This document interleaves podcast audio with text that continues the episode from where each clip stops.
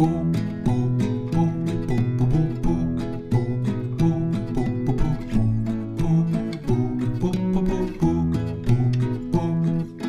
morgen, kjære lytter.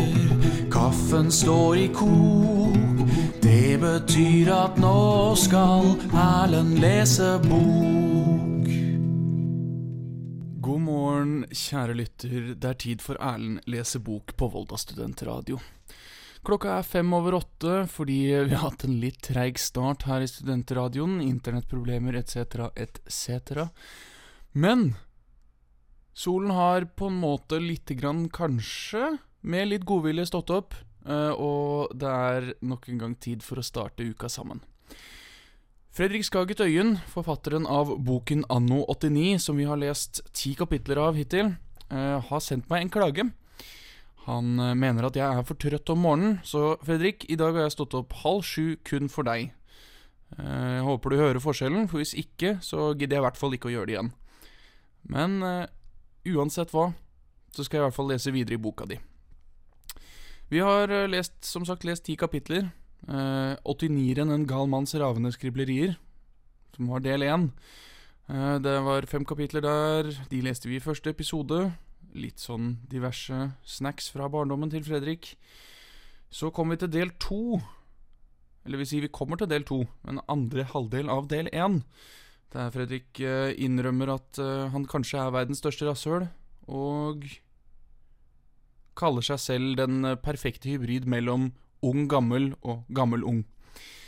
Så vi har kommet til del to, som heter Gardene. Den eldre garde. For å vite hvor man skal, hvor man er, og kanskje hvor man burde ha vært, så bør man ha en viss oversikt over hvor man kommer ifra. Så la oss se litt nærmere på hvordan livet var før, i virkelig gamle dager. Løst basert på diverse gjenfortellinger fra beste- og oldeforeldre. Arbeiderklassen i gamle dager. I gamle dager ble man ikke født slik som alle de bortskjemte ungene blir nå til dags. Mor la seg på skrevs, men man måtte komme, ut, komme seg ut selv.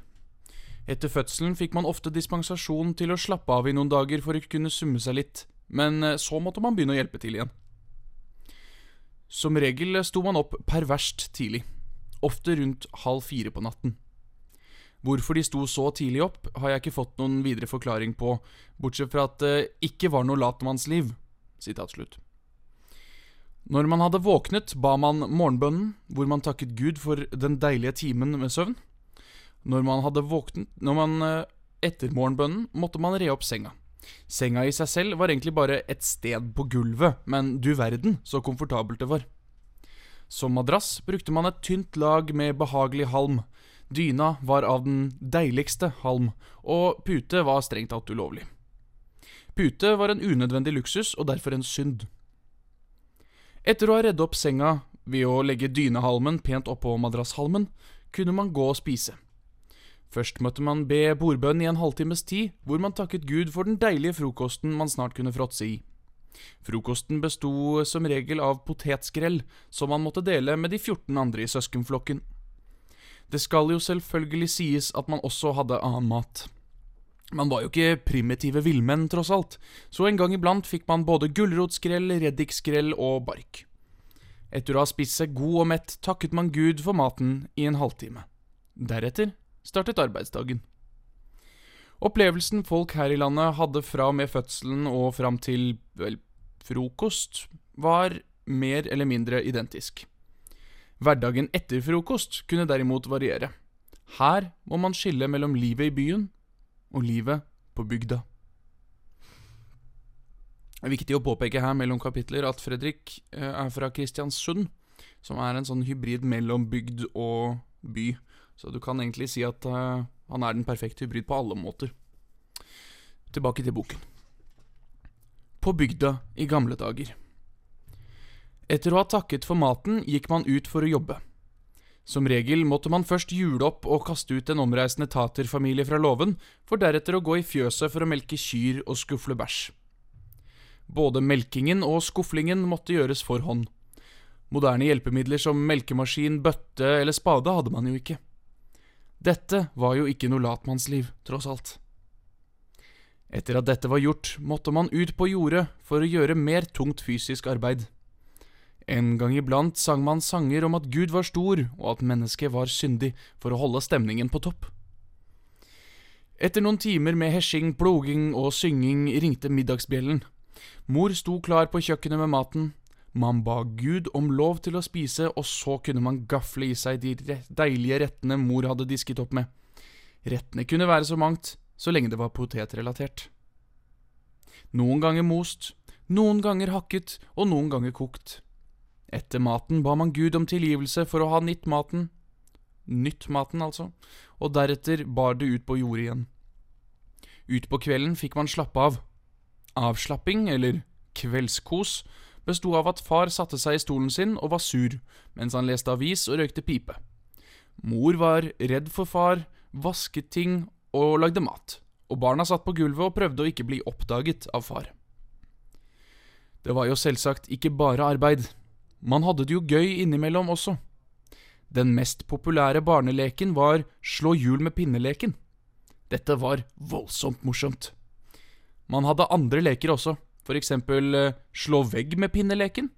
Den ikke fullt så populære slektningen av eh, slå hjul med pinneleken. Slå stein med pinneleken. Så lenge det er pinne involvert, så er det ok. Kaste stein på hjul-leken. Man har det ikke bare gøy, man holder seg i form. Kaste hjul på vegg-leken. Man holder seg veldig i form. Og en av mine slektningers personlige favoritter undertrykke gjennomreisende taterfamilier-leken.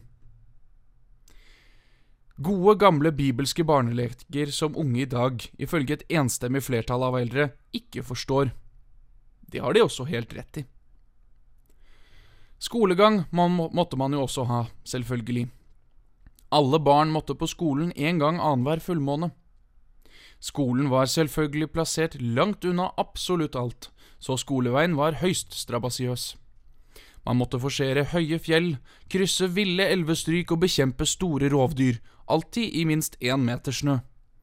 Selve undervisningen besto for det meste i å synge sanger om Gud, kun avbrutt av spanskrørrelatert vold. Man hadde stor respekt for sin far i gamle dager. Hovedsakelig fordi han hadde et belte han likte å slå barn med når de ikke oppførte seg eller når han var full. Man hadde også stor respekt for Gud, hovedsakelig fordi man ville brenne i helvete om man ikke gjorde det. Den beste respekt er basert i frykt. Man trengte ikke å ha spesielt stor respekt for sin mor, hovedsakelig fordi hun var kvinne. Etter at man ble konfirmert, var man eh, som fullt utvokst å regne. Da begynte man med pipe. Den førstefødte sønnen arvet bondegården, og de resterende 14 i søskenflakken måtte ta vare på seg selv. For jentene var det største og egentlig eneste målet å finne seg en mann.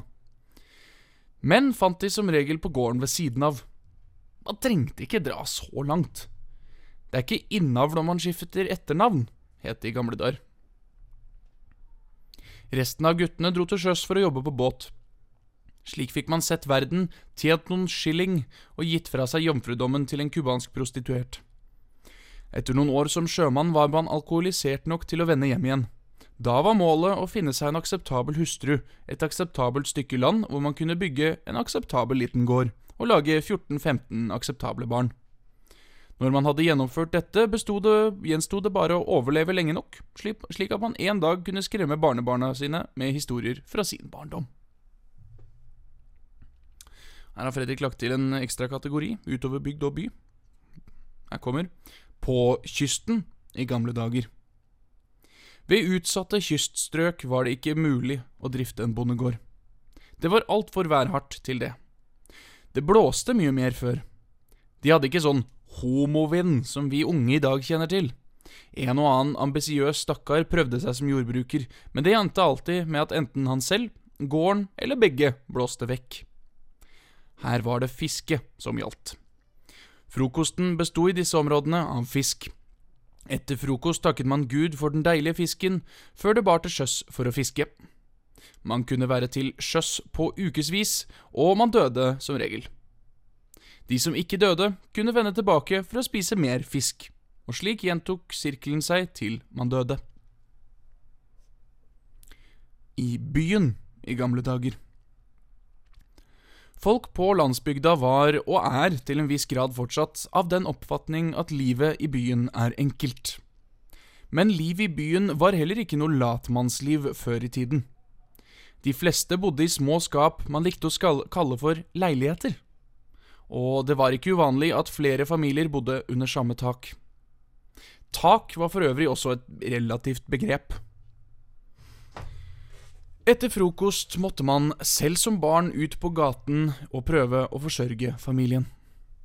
Det var et rikt utvalg av ting man kunne finne på for å tjene til livets opphold i byene i gamle dager. Alt fra tigging til prostitusjon. Man kunne også prøve å skaffe seg arbeid som læregutt hos den lokale skomakeren, blikkenslageren, hattemakeren, pølsemakeren eller kakebakeren. Om man fikk til dette, var framtiden i det øvre sjiktet av fattigdomsgrensen sikret. Valgmulighetene var altså flere, men på ingen måte bedre enn på bygda. Man arbeidet, med hva enn det måtte være, helt til det ble mørkt. Så dro man hjem for å be til Gud og spise middag.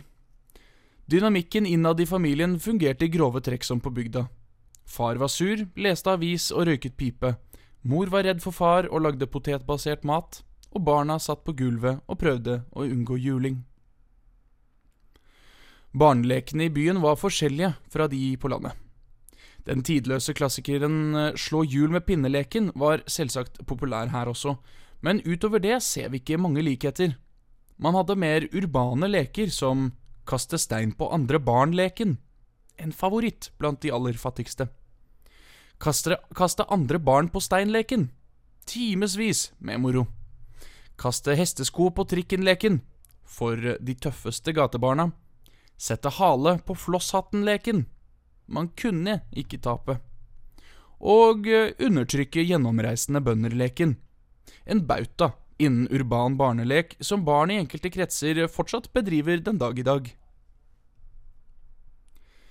Da man konfirmerte seg, var man voksen, og da var det på tide å finne seg et yrke. Så fremt man ikke hadde vært læregutt, hadde man fire valg. Man kunne starte en karriere innen bryggesjauing. Dette innebar løfting, velting, bæring og flytting av tunge ting nede på havna. Det eneste man trengte, var to armer og to bein og litt god gammeldags stå-på-vilje. Nummer to. Man kunne begynne å spa kull. Enten på et tog eller på en fabrikk. Man trengte alltid gode menn som kunne flytte kull fra en haug og inn i en ovn. Alt man trengte var to armer, helst to bein og en god gammeldags spade. Nummer tre. Man kunne dra til sjøs. Dette har vi vært gjennom før, og til dette trengte man egentlig verken armer eller bein. Nummer fire. Man kunne slå seg opp som god, gammeldags byoriginal, eller fyllik, som det heter på fagspråket. Dette skjedde nok oftest ved ren tilfeldighet og var ikke spesielt godt betalt, men fylliken fylte en viktig rolle i samfunnet i gamle dager. Hans oppgave var å til enhver tid være fullere enn den vanlige mannen i gata, noe som for øvrig kunne være en utfordring til tider. Formålet med dette var å få Ola Nordmann til å føle seg bedre med seg selv. Ved å sjangle rundt og mumle usammenhengende fraser var ikke fylliken bare ekstremt underholdende, men fikk også Ola Nordmann til å tenke ja ja, det kunne strengt tatt vært verre. Og takket være ildsjeler som Steinar Bastesen, Hans-Wilhelm Steinfeld og Hans Rotmo, så lever denne tradisjonen videre den dag i dag.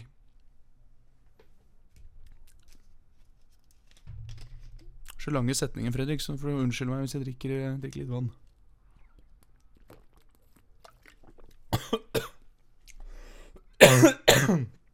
Oi. Og for at jeg setter det i vrangstrupen. Oi. Mm. Morgenprogram, du. Der går vi videre. Og se her, ja. Her er en god en. Overklassen i gamle dager. Her er det ikke noe poeng i å dele opp mellom bygd og by, fordi alle medlemmene av overklassen befant seg i byen. Overklassen har til enhver tid bestått av rundt ti-tolv mennesker, hvorav åtte-ni av dem var medlem av kongefamilien. Mennene av overklassen kunne kjennes igjen på monokkelen, mens kvinnene brukte høyst ubehagelige kjoler og hatter som lignet på en absintgal kunstners verste mareritt. Disse var overdrevent rike, hadde tjenere som de mishandlet på diverse måter, og brukte dagene sine på å se ned på andre. Om man ser bort ifra bruken av monokkel, så har ikke overklassen forandret seg noe særlig. Å definere gamle dager. Det er vanskelig å sette noen tidsramme på begrepet gamle dager. Jo lengre tilbake man ser gjennom historien, desto mer blir diffus blir linjen mellom fakta og en forfyllet historikers antagelser. Det er derfor vanskelig å si når gamle dager, slik jeg har beskrevet over, oppsto. Det er også vanskelig å vite når gamle dager, i begrepets klassiske forstand, endte. Mine foreldre forteller om oppveksten sin på 60- og 70-tallet som et bakstreversk blodslit uten like og selv om det er mye som får meg til å tro at mine foreldres framstilling av oppveksten sin ikke er fullstendig autentisk, så velger jeg fortsatt å tro bastant på det. Jeg vil derfor si, riktignok uten å være 100 sikker, at begrepet gamle dager slik jeg her har beskrevet det, innebefatter alt fra Napoleons tid og fram til sent 70-tall.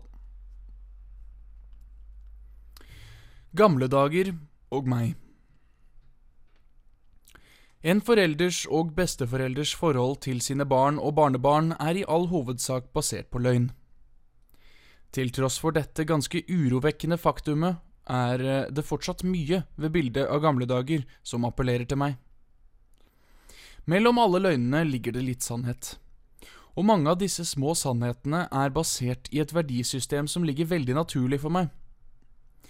Folks forhold til mat, for eksempel. Mat var næring, Mat skulle ikke kastes, og den skulle ikke nytes, den skulle spises. Mat var mat, ikke pornografi. Eple og banan var det eneste som kunne kalles frukt, alt utover dette var rent og skjært jåleri. For det finnes ikke noe som er verre for eldre mennesker enn jåleri. En oppfatning vi 89-ere i essensen deler. Noen av oss er selvfølgelig jålete, men dette er noe som gjør vedkommende dypt ulykkelig. På sent 80-tall og tidlig 90-tall kunne man fortsatt merke en svak eim av gamle dager i lufta.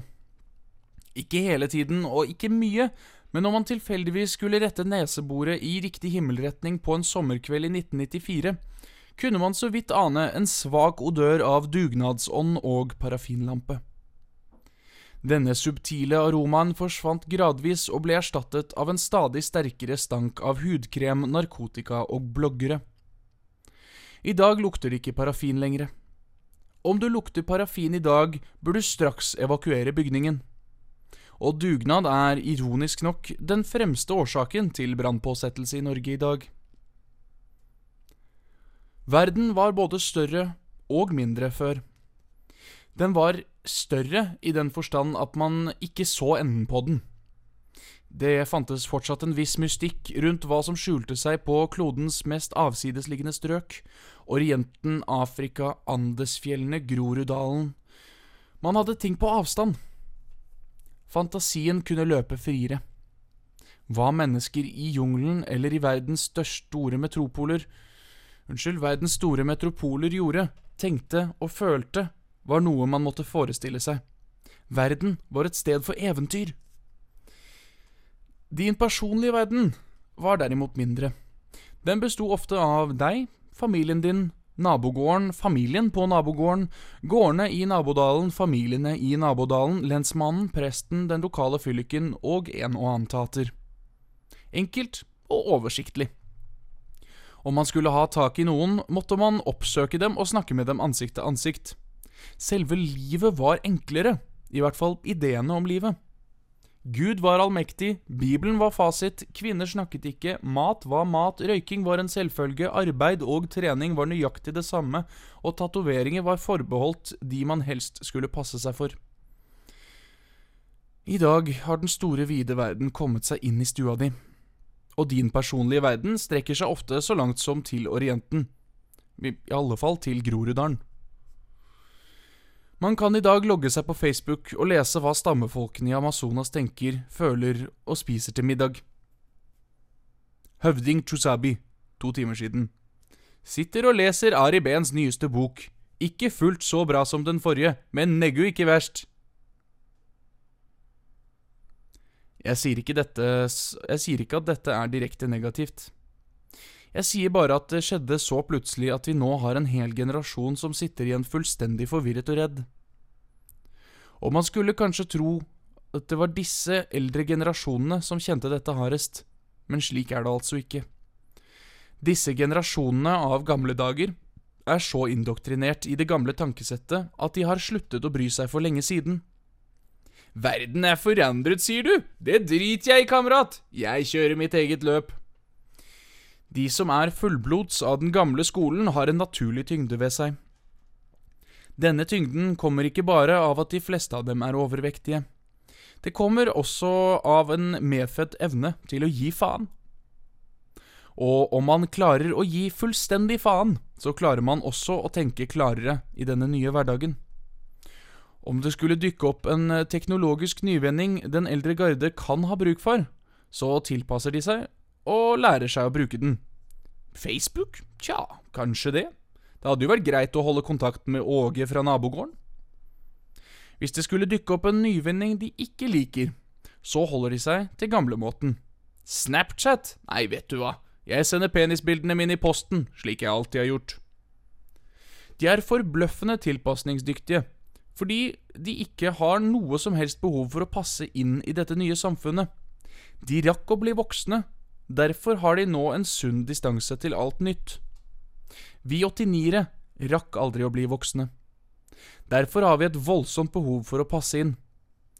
Vi later ofte som om vi ikke bryr oss noe særlig, men det gjør vi bare for å passe inn. Og om du har lest en hvilken som helst kronikk av noen i midten av 20-årene i VG, Dagbladet eller Aftenposten, så vet du at det å ikke passe inn, om du er i midten av 20-årene, er en ekstrem påkjenning. Da setter jeg eh, punktum. Der hvor Fredrik har sagt punktum, og sier jeg meg fornøyd med det vi har lest i dag. Det var Jeg tror ikke det var fem Jo, det var så korte kapitler inne i midten der, så jeg tror kanskje vi klarte å ta fem denne gangen også. Seks, faktisk. Sju. Sju kapitler har vi lest i dag. Det syns jeg vi skal være fornøyd med. Du har hørt på Erlend leser bok, episode tre på Volda studentradio. Jeg er tilbake igjen med mer av Fredrik Skaget Øyen sin debutroman Anno 89 neste uke til samme tid, dvs. Si mandag 08.00 på knaggen.no, eller tune inn på Volda studentradio. Vi skal høre litt musikk, og i eh, mellomtiden, altså til neste gang vi hører hverandre, så håper jeg du har en flott uke. Ha det godt. Det betyr at nå skal Erlend lese bok.